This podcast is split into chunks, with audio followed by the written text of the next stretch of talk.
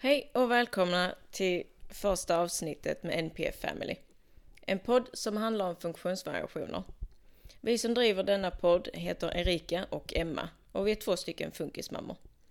I podden kommer vi att dela med oss utav vår vardag, tips och tricks, kunskap men också om vårt företag som heter NPF Family.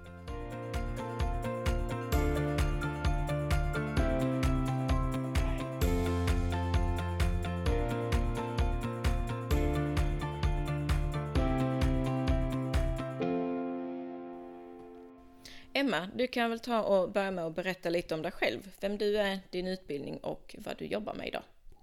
Ja, jag heter Emma, är 31 år, bor i Småland, i Tranås. Jag har tre barn som heter Vilma, Liam och Malte, varav Liam då har funktionsvariationer. Eh, I dagsläget eh, jobbar jag som boendestödjare, även där är funktionsvariationer. Eh, är utbildad undersköterska, behandlingspedagog och pluggade till eh, samtalsterapeut under mammaledigheten med Malte, som är ett och ett halvt år gammal. Och nu vill vi ju förstås höra vem Erika är, så vem är du? Ja, Erika Karlström heter jag. Eh, jag är 33 år gammal och jag bor med mina två flickor i norra Skåne. I en liten, liten by som heter Vittsjö. Och eh, Leila som är min äldsta flicka och Andrea då som har funktionsvariationer. Ehm, just nu så arbetar jag inom demenssjukvård eh, och jag har arbetat inom vården sedan jag var 18 år gammal men också inom eh, behandling.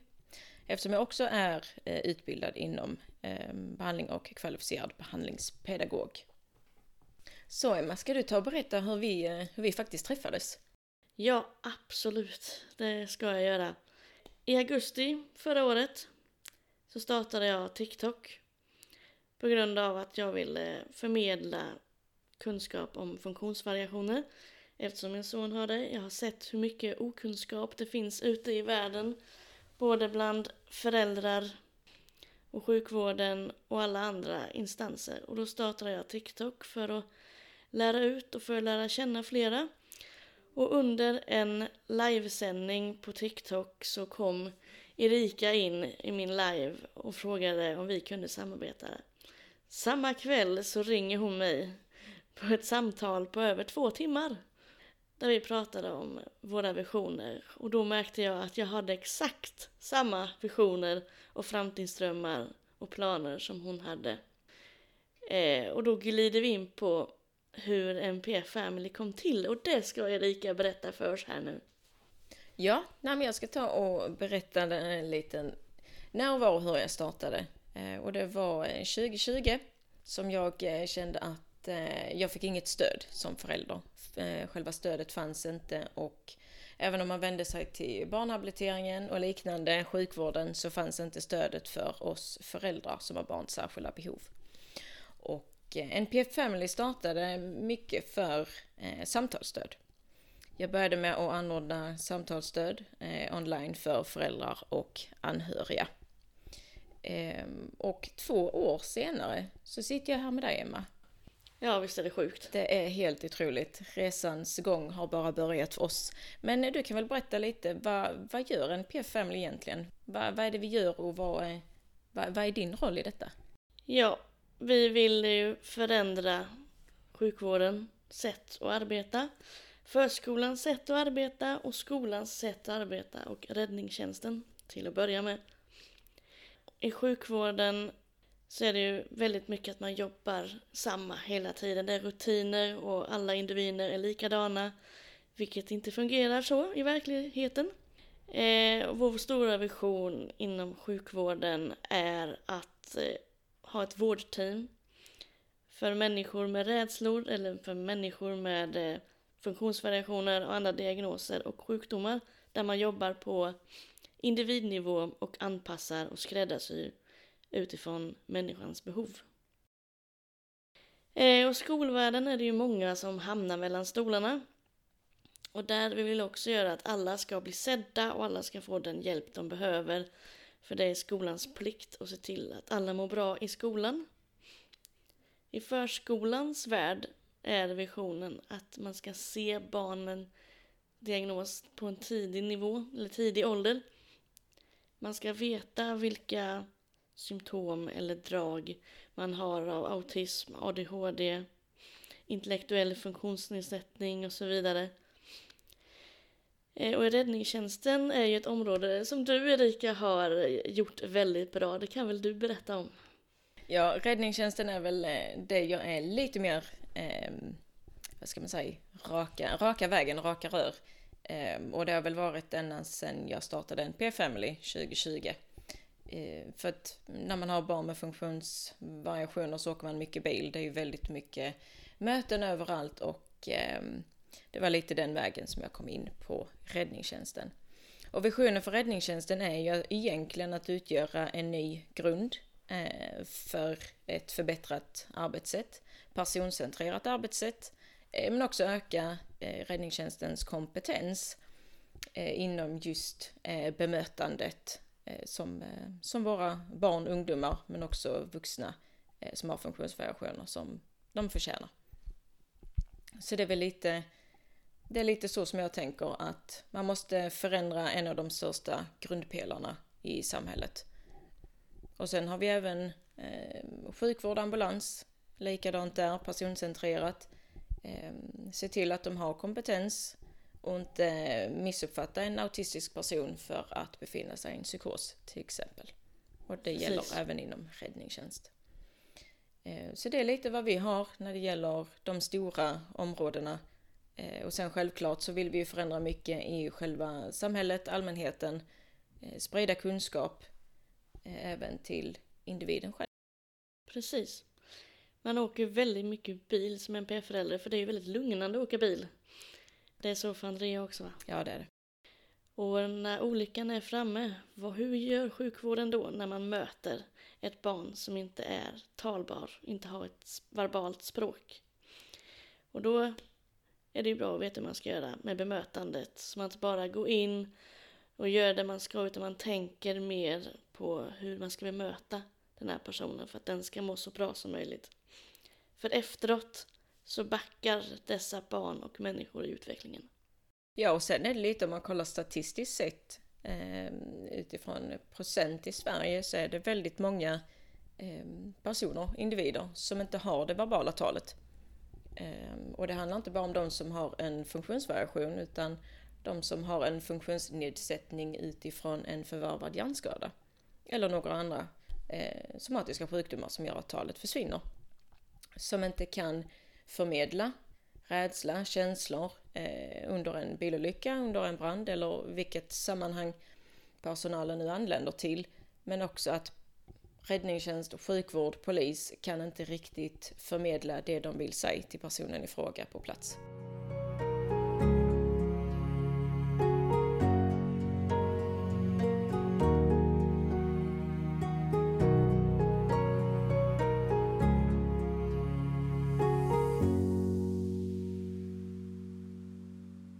För att kunna förmedla den här kunskapen till eh, sjukvården, förskola, skola och räddningstjänsten så vill vi ju föreläsa och utbilda sjukvårdspersonal, pedagoger inom förskolan och lärare och alla möjliga professioner för att få den bästa vården för våra barn och få den bästa skolgången för våra barn och få den bästa starten, den tidiga åldern på förskolan. Eh, så det tänker vi göra i NPF Family och det ska bli otroligt kul att göra det med dig och bredda kunskapen både i Skåne och i Småland framförallt till att börja med.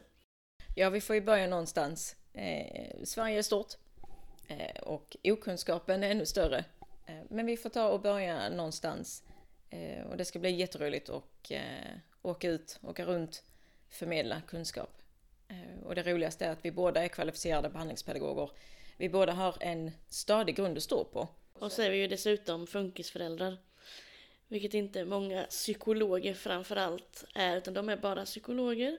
När man både är en mamma till ett barn med funktionsvariationer och har utbildningen så tycker jag det väger så mycket mer. För det finns så mycket mer att prata om och man kan gå in på djupet på det. Istället för att ta in psykologiska aspekter så pratar man utifrån föräldrars aspekter och barns perspektiv. Ja, för det är, ju, det är ju ett av de eh, viktigaste områdena i allt det här. Det är föräldraperspektivet men också barnperspektivet. Det är det som väger tyngst kan jag tycka. Precis, och det leder in oss till vår nästa steg och det är eh, samtalsgrupper med andra föräldrar som vi kommer ha tre gånger varannan vecka, jämn vecka. Där vi kommer samla föräldrar som vill vara med och där man kan prata om allt möjligt inom funkisvärlden och dela tankar och erfarenheter tillsammans med andra. För man har sett behovet att man pratar tillsammans. För det är många som känner sig extremt ensam i det här. Särskilt när man är ny på det här och är, har ett barn som precis har fått en diagnos så är det otroligt viktigt att inte känna sig ensam. Så därför är det bra att prata med andra. Och det här kommer ske online, eller hur? Ja, jag, eh, jag märkte ju det eh, när jag startade med det här 2020 att behovet, efterfrågan, eh, att det, det är större än vad man tror. Även för mig som förälder vill jag träffa andra föräldrar, jag vill känna gemenskap och även om det är online så blir det ändå en gemenskap jag inte haft innan. Jag kände mig väldigt ensam när, när min dotter fick sin diagnos. Jag kan alltid prata med, med vänner och familj men de kan aldrig förstå mig känslomässigt. Nej, så är det för mig också. Det är eh, bara med andra funkismammor som man verkligen kan prata på djupet. Att de förstår bara det här genom att åka på en aktivitet. Bara det är ju en heltidsplanering och en hel eh, verkstad att få ihop innan man ens kan åka ut eller ens gå ut utan att använda bilder, tecken, planera, framförhållning och det kan bli bakslag och allt möjligt. Jag förstår precis vad det är du menar. Eh, och det är många gånger som, som man vill göra mycket som en familj, men man blir begränsad. Men, men man gör de här små aktiviteterna istället. Men det är som du säger, det krävs otroligt mycket planering och det kan bli bakslag. Men samtidigt så, så vill man. Även om det blir lite, lite svårare så, så vill man göra det här just för att känna gemenskap. För gemenskap är ju otroligt viktigt. Verkligen. Och så ser man ju allt på sociala medier. Hur alla lägger fram det så fint, vad de gör på vardagarna och helgerna och allt fint de hittar på. Och så tänker man där, hur gör de? Hur är det möjligt? Ja, jo men det, jag håller med dig i det du säger. Det ser så fint ut på sociala medier och eh, familjer åker på stora resor, på långa resor. Eh, och jag själv känner att okej. Okay. En resa till affären räcker för oss. ja, bara det är en sån sak som kan, eh, kan bli väldigt svårt och väldigt jobbigt för, för barnet. Men även för oss som föräldrar. För att det har ju mycket med hur barnet mår och vilket, vilken sinnesstämning barnet befinner sig Så det, mm, nej, det, det, är både, det är både upp och ner. Men eh, jag har nog aldrig lärt mig så mycket som jag har gjort sedan jag blev funkismamma. Jag med, det kan jag verkligen hålla med om. Att sen livet som funkismamma, man får lära sig nya saker varje dag. Man får vara med om nya saker, man får lära sig allt, man får tänka på ett annorlunda sätt och man får ligga steget före och steget efter för att hela tiden hänga med. Men eh, det är ju ingenting som jag vill byta bort för allt i världen för han har gjort mig till en bättre människa och jag vill att alla ska se på funkislivet ur ett, ur ett positivt perspektiv. För meningen som man alltid får när man är gravid, när man går på så här föräldraträffar är vad, är, vad ska du ha för kön på ditt barn? Nej, det spelar ingen roll. Huvudsaken är att barnet är friskt. Den meningen har hängt i i sex års tid och det är det jag vill förmedla att eh, funkislivet ska man se ur ett positivt perspektiv och många behöver se att det är ur ett positivt perspektiv. Så därför skapar vi NPF Family. Och sen ska vi prata lite mer om de här samtalsgrupperna. Eh, vi har en hemsida där vi erbjuder att det är ju då samtalsgrupper tre gånger varannan vecka.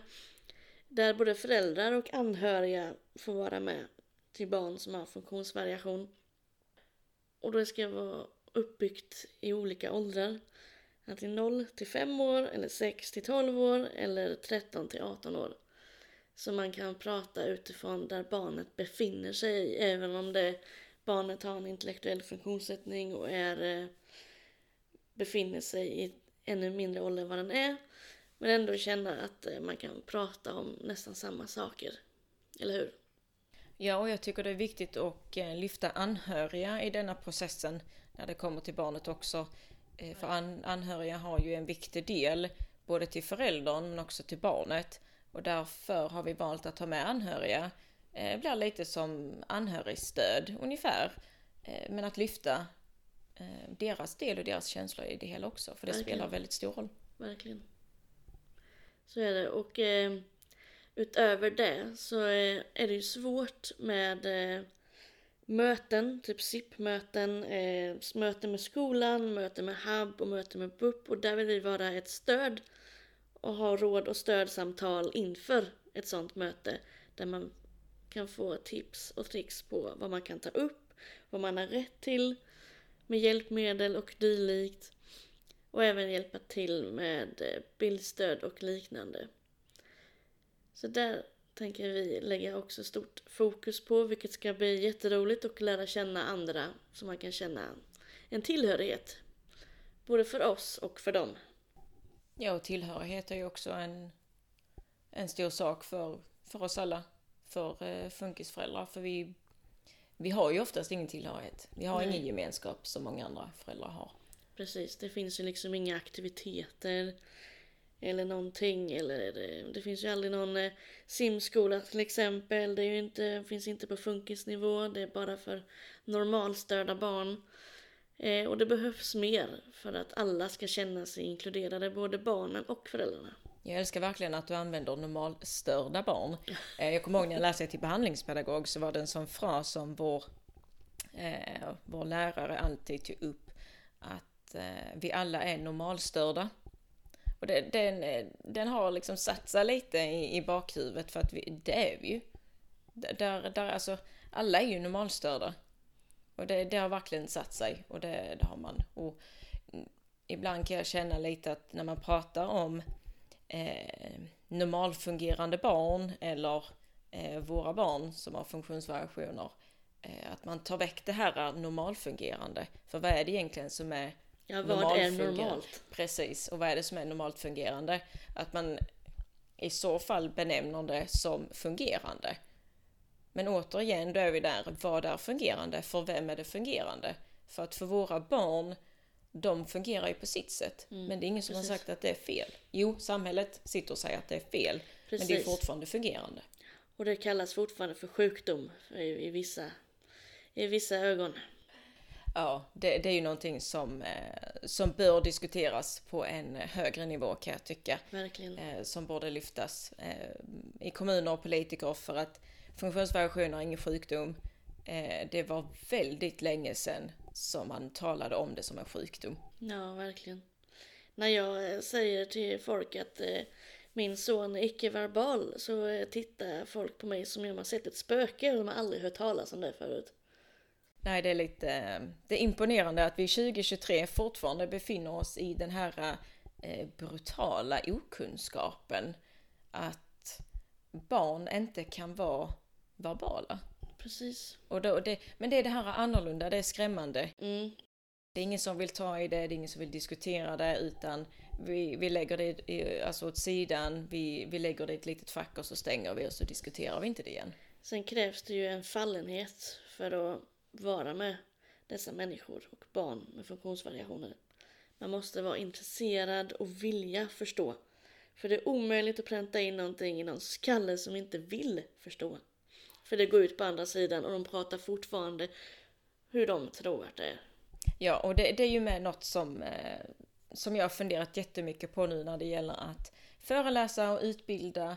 Eh, vi kan aldrig lämna en garanti på att ge ett förbättrat arbetssätt eller ett, ett eh, förbättrat tankesätt för att allting handlar om individen själv och vill inte just den individen inom den verksamheten ta till sig och känna att ja, men detta, detta är ju mer, detta är ju bättre, det, det höjer min kompetens. Vill personen i fråga inte så kan vi alla garantera att det blir ett förändrat arbetssätt. Nej, precis. Och det är någonting som vi, vi kan inte nå ut om personen i fråga inte är känslomässigt kopplad. Nej. Eller ha ett intresse av det. Ja, då, då gör det mycket svårare för då hamnar det alltid på det ekonomiska bordet. Så våra barn jämförs alltså på det ekonomiska planet. Det har de alltid gjort och det kommer alltid att göra, eh, tyvärr. Och eh, det är ju en stor del som vi vill förändra. Att det ska läggas mer resurser. Det ska inte bli en ekonomisk fråga så fort det blir en liten dispyt med en upphandling eller skolan behöver mer resurser, eh, sjukvården, alltså allt när det gäller grunden i samhället så ska inte våra barn bli kopplade till en ekonomisk fråga. Och därför väntar de ju in i det längsta och tar till hjälpen både i skolan, förskolan och sjukvården för att det kostar pengar och för att de inte har resurser till att lägga tid och pengar på det.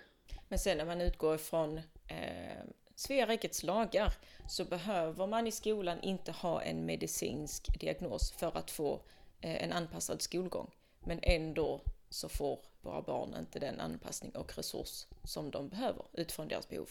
Nej, det är väldigt dåligt egentligen.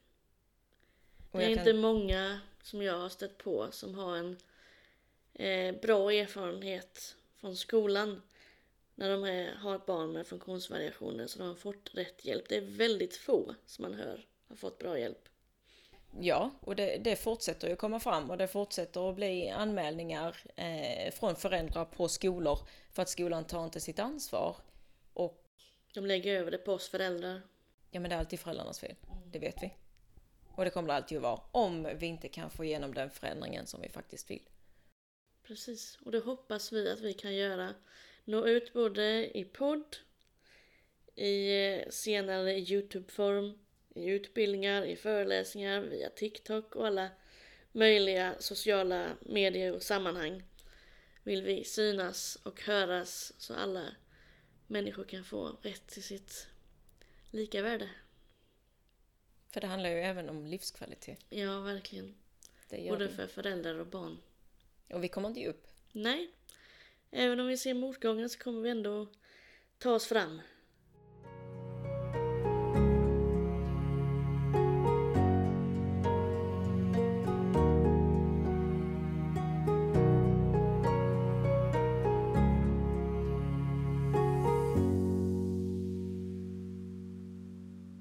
Men har, har du stött på några, inte motgångar, men har du stött på några hinder fram tills nu genom dina sociala medier?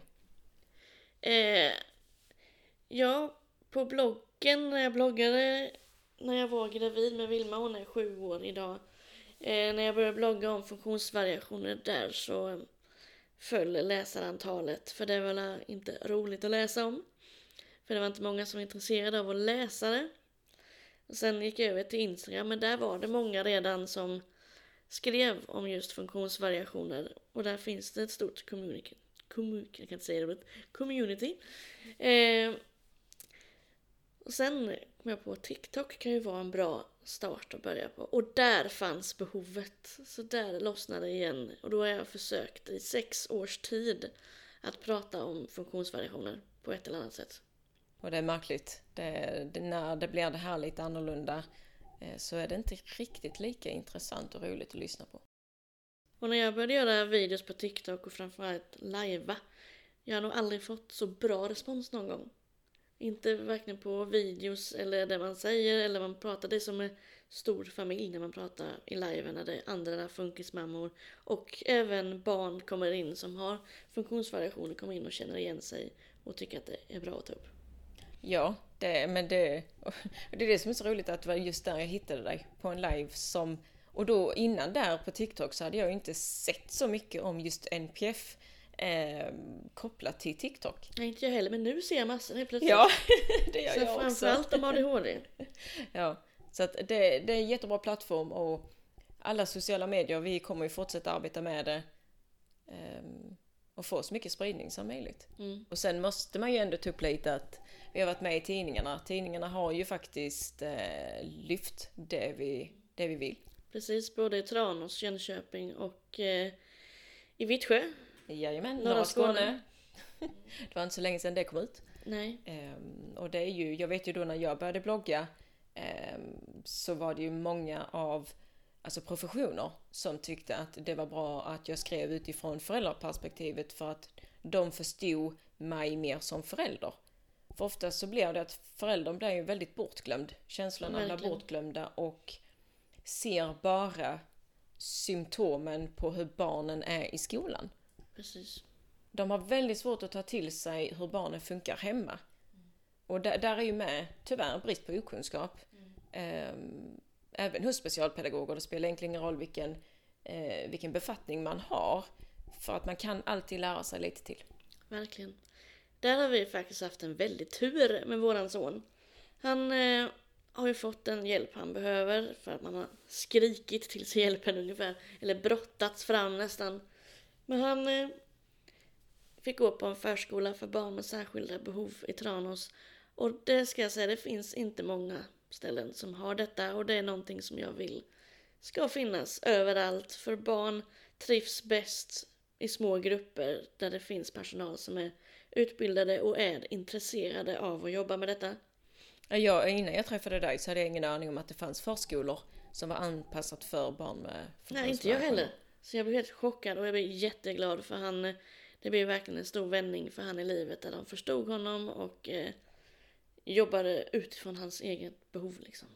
Ja, och det gjorde de ju definitivt inte på min eh, dotters förskola. Vi har ju tyvärr bara två stycken förskolor i, eh, i Vittsjö. Men även i, i Hässleholm eh, så tror jag nog inte, jag har aldrig hört talas att det är en anpassad, sen finns det ju de Montessori. Visst, de arbetar ju mer utifrån med tecken och med bildstöd, men det är fortfarande inte en anpassad förskola. Så vilket barn som helst kan ändå få gå på förskola. Precis. Jag Och då blir det stora grupper. ja, jag tänker det här med bilder och TAKK, det är någonting som vi också vill lära ut till både föräldrar och andra professioner inom sjukvården och förskolan och skolan. För att alla ska kunna få lära sig TAKK. Både som barn som har funktionsvariationer och barn som inte har det så man inte ser skillnad på dem där. Särskilt inom förskolan då. Ja, all AKK egentligen kan jag tycka. Ja, det också. Jo, men det är ju behövligt.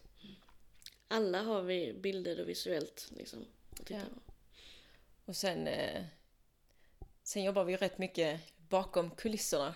Utan att nämna för mycket så har vi rätt så mycket på gång Mm. som vi, eh, som vi inte ska dela med oss av egentligen. Men kan ju nämna att eh, det görs mycket bakom kulisserna och det kommer hända väldigt mycket framöver. Det får vi hoppas. Det vet jag om att det kommer göra. Ja. Det blir spännande. Det är liksom någonting man har drömt om i flera år som hoppas blir verklighet snart. Det handlar bara om att inte ge upp. Precis. För Och vi ha upp, tid framförallt. man får ta sig tid. Ja. Nej, men jag förstår vad du menar. Det, det tar mycket tid och eh, jag spelade in en video innan idag och det var mycket det här att eh, det är många som har längtat efter att vi ska släppa podden, eh, släppa Youtube och eh, verkligen komma igång. Mm. Men just det här att ha i åtanke att vi är föräldrar. Precis. Och sen har vi jobbat på material väldigt länge. Jo, för utan material så kan vi inte skapa grunden. Nej, precis. Så det, det är mycket spännande som kommer hända framöver och det ska bli jätteroligt att få dela med oss utav vad det är vi faktiskt gör. Verkligen. Och göra det tillsammans med dig som har samma drivkraft som en själv. Det har jag också saknat. Jag har också velat göra det med någon men det är svårt för det är ingen som har den drivkraften. Men när jag väl har hittat någon som har det då är det bara att kötta på. Jo men det, jag känner ju samma sak som dig. Det, vi, vi är så otroligt lika, även om vi är jätteolika. Så har vi, vi har samma mål, vi har samma visioner, vi har väldigt stora visioner båda två. Vi har en drivkraft som inte många andra har. Och det ska bli jätteroligt att eh, få se vad vi kan göra utav detta. Precis. Ta världen med storm. Ta världen med storm, ta över. Så mycket framöver så kommer det vara NPF Family Mm, på alla sociala medier. Jajamän. Och jag hoppas innerligt ni inte tröttnar utan sprider vårt budskap. Sprider vad det är vi vill. Verkligen. Och framförallt att eh, föräldrar och anhöriga ska delta i samtalsgrupperna så man får prata med er öga mot öga. Även om det är online så kanske vi någon gång träffas på en föreläsning. Det hade varit spännande. Ja, verkligen. vara spännande, alltså spännande att träffa de som man har haft eh, samtalsgrupper med. Ja. Borde man ju träffas någon gång ibland också. Ja, Fast det är ju rätt omöjligt att få till en träff nästan med funkisföräldrar som har eh, ingen mycket tid över för annat än att, och sen den tid man har över vill man ju bara lägga sig i soffan, äta en godispåse och kolla på serier. det är den är hobbyn då att sova.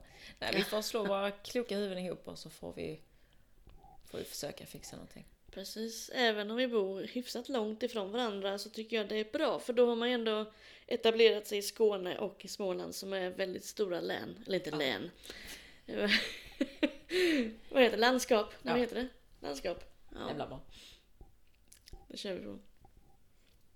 Så ni kommer få se poddavsnitt varje vecka på måndagar. Ja. Då kommer ni höra oss podda och sen på alla möjliga plattformar också. Jag finns ju på TikTok, även Erika finns på TikTok, vi finns på Instagram. Ja, vi... Snart finns vi överallt helt enkelt. Förhoppningsvis. Ja, och det är väl lite det som är meningen. Ja. Jag tror nog vi har fått med det vi har velat i det här första poddavsnittet. Ja. Så kommer vi ni få höra ett andra avsnitt som kommer handla om våra barns diagnoser. Det får ni inte missa. Nej, det får ni inte göra. Det kommer bli spännande, intressant och eh, väldigt lärorikt. Ja, verkligen. Så häng på och ha det så bra allihop. Tack för idag. Tack för idag.